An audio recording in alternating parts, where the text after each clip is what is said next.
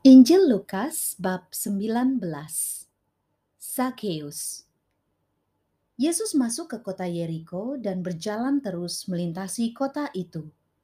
Di situ ada seorang bernama Sakeus, kepala pemungut cukai, dan ia seorang yang kaya. Ia berusaha untuk melihat orang apakah Yesus itu. Tetapi ia tidak berhasil karena orang banyak sebab badannya pendek. Maka berlarilah ia mendahului orang banyak, lalu memanjat pohon ara untuk melihat Yesus yang akan lewat di situ.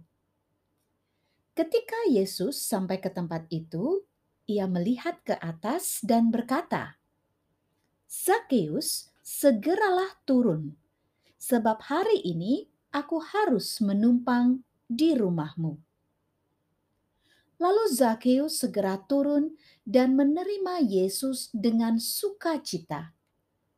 Tetapi semua orang yang melihat hal itu bersungut-sungut, katanya, "Ia menumpang di rumah orang berdosa." Tetapi Zakeus berdiri dan berkata kepada Tuhan, "Tuhan, setengah dari milikku akan kuberikan kepada orang miskin, dan sekiranya ada sesuatu yang kuperas dari seseorang, akan kukembalikan empat kali lipat. Kata Yesus kepadanya, "Hari ini telah terjadi keselamatan kepada rumah ini, karena orang ini pun anak Abraham. Sebab Anak Manusia datang untuk mencari dan menyelamatkan yang hilang." Perumpamaan tentang uang mina. Untuk mereka yang mendengarkan dia di situ, Yesus melanjutkan perkataannya dengan suatu perumpamaan. Sebab ia sudah dekat Yerusalem, dan mereka menyangka bahwa kerajaan Allah akan segera kelihatan. Maka ia berkata, "Ada seorang bangsawan berangkat ke sebuah negeri yang jauh untuk dinobatkan menjadi raja di situ. Dan setelah itu baru kembali. Ia memanggil sepuluh orang hambanya dan memberikan sepuluh mina kepada mereka. Katanya, pakailah ini untuk berdagang sampai aku datang kembali. Akan tetapi, orang-orang sebangsanya membenci dia lalu mengirimkan utusan menyusul dia untuk mengatakan, "Kami tidak mau orang ini menjadi raja atas kami." Dan terjadilah ketika ia kembali, setelah ia dinobatkan menjadi raja, ia menyuruh memanggil hamba-hambanya yang telah diberinya uang itu untuk mengetahui berapa hasil dagang mereka masing-masing. Orang yang pertama datang dan berkata, "Tuan, mina tuan yang satu itu telah menghasilkan sepuluh mina." Katanya kepada orang itu, "Baik sekali perbuatanmu itu, hai hamba yang baik. Engkau telah setia dalam perkara kecil. Karena itu, terimalah kekuasaan atas sepuluh kota." Datanglah yang kedua dan berkata, Tuan, mina tuan telah menghasilkan lima mina. Katanya kepada orang itu, dan engkau kuasailah lima kota. Dan hamba yang ketiga datang dan berkata, Tuan, inilah mina tuan. Aku telah menyimpannya dalam sapu tangan, sebab aku takut akan tuan karena Tuhan adalah manusia yang keras. Tuhan mengambil apa yang tidak pernah Tuhan taruh, dan Tuhan menuai apa yang tidak Tuhan tabur. Katanya kepada orang itu, "Hai hamba yang jahat, aku akan menghakimi engkau menurut perkataanmu sendiri. Engkau sudah tahu bahwa aku adalah orang yang keras." Yang mengambil apa yang tidak pernah aku taruh dan menuai apa yang tidak aku tabur. Jika demikian, mengapa uangku itu tidak kau berikan kepada orang yang menjalankan uang? Maka sekembaliku aku dapat mengambilnya serta dengan bunganya. Lalu katanya kepada orang-orang yang berdiri di situ, "Ambillah mina yang satu itu daripadanya, dan berikanlah kepada orang yang mempunyai sepuluh mina itu." Kata mereka kepadanya, "Tuan, ia sudah mempunyai sepuluh mina." Jawabnya, "Aku berkata kepadamu, setiap orang yang mempunyai, kepadanya akan diberi. Tetapi siapa yang tidak mempunyai, daripadanya akan diambil juga apa yang ada padanya. Akan tetapi, semua seteruku ini yang tidak suka aku menjadi rajanya, bawalah mereka kemari dan bunuhlah mereka di depan mataku. Yesus dieluk-elukan di Yerusalem.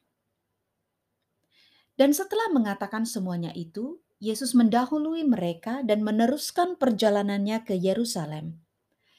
Ketika ia telah dekat Betfage dan Betania yang terletak di gunung yang bernama Bukit Zaitun, Yesus menyuruh dua orang muridnya dengan pesan, "Pergilah ke kampung yang di depanmu itu. Pada waktu kamu masuk di situ, kamu akan mendapati seekor keledai muda tertambat yang belum pernah ditunggangi orang. Lepaskanlah keledai itu dan bawalah kemari. Dan jika ada orang bertanya kepadamu, "Mengapa kamu melepaskannya?" Jawablah begini: "Tuhan memerlukannya." Lalu pergilah mereka yang disuruh itu, dan mereka mendapati segala sesuatu seperti yang telah dikatakan Yesus. Ketika mereka melepaskan keledai itu, berkatalah orang yang empunya keledai itu, "Mengapa kamu melepaskan keledai itu?" Kata mereka, "Tuhan memerlukannya."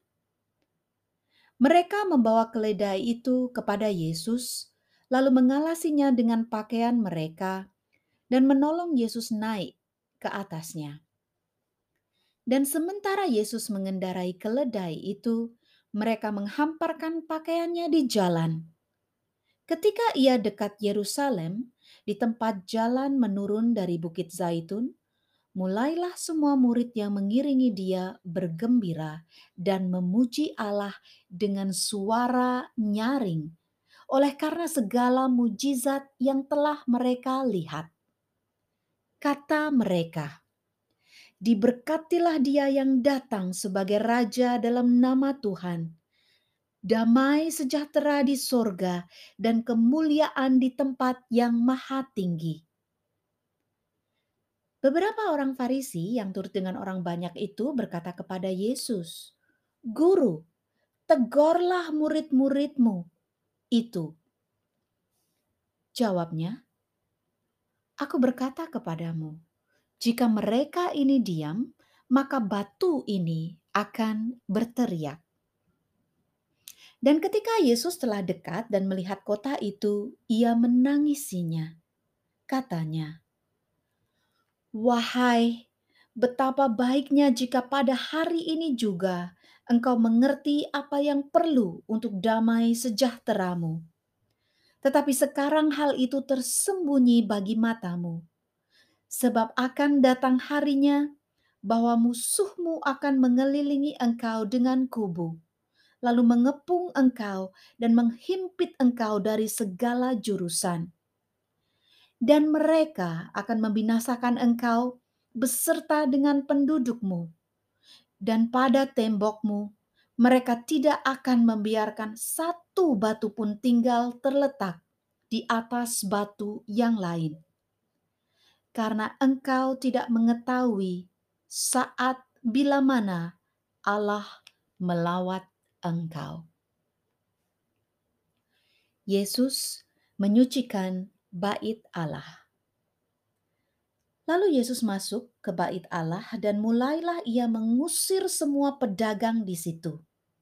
Katanya kepada mereka, "Ada tertulis, rumahku adalah rumah doa, tetapi kamu menjadikannya sarang penyamun."